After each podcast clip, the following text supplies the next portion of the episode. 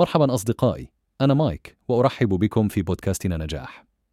اليوم سنحدثكم عن شعر جميل من روبرت فروست يقول الطريقة الأفضل للخروج هي دائما الاستمرار.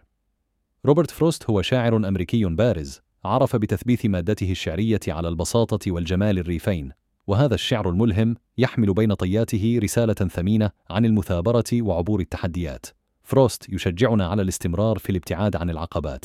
حتى عندما تبدو الأمور صعبة. تماما مثل ما يقول فروست يمكن أن يكون الحل الأمثل لمشكلتك هو التصميم على المضي قدما رغما عن كل شيء. اذكر دائما أن كل تجربة سواء كانت جيدة أو سيئة تعتبر درسا يمكنك تعلمه.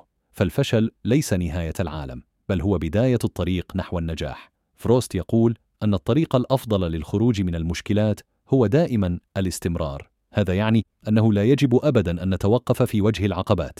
كان دائما يشدد على أهمية البقاء مستمرين في طريقنا حتى ولو كان الأمر صعبا وذلك لأن الانتصارات الحقيقية تكمن في القدرة على التغلب على المصاعب والعقبات. بتفاؤل كبير يشجعنا فروست على التقدم وعدم الخوف من المجهول. يذكرنا أن النجاح لا يأتي من الثبات في مكان واحد بل يأتي من القدرة على التحرك والاستمرار حتى في أصعب الظروف.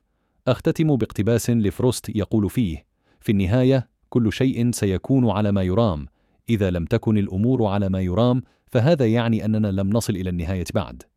لذا استمروا وتحلوا بالصبر وتذكروا أن الطريقة الأفضل للخروج هي دائما الهروب من خلالها.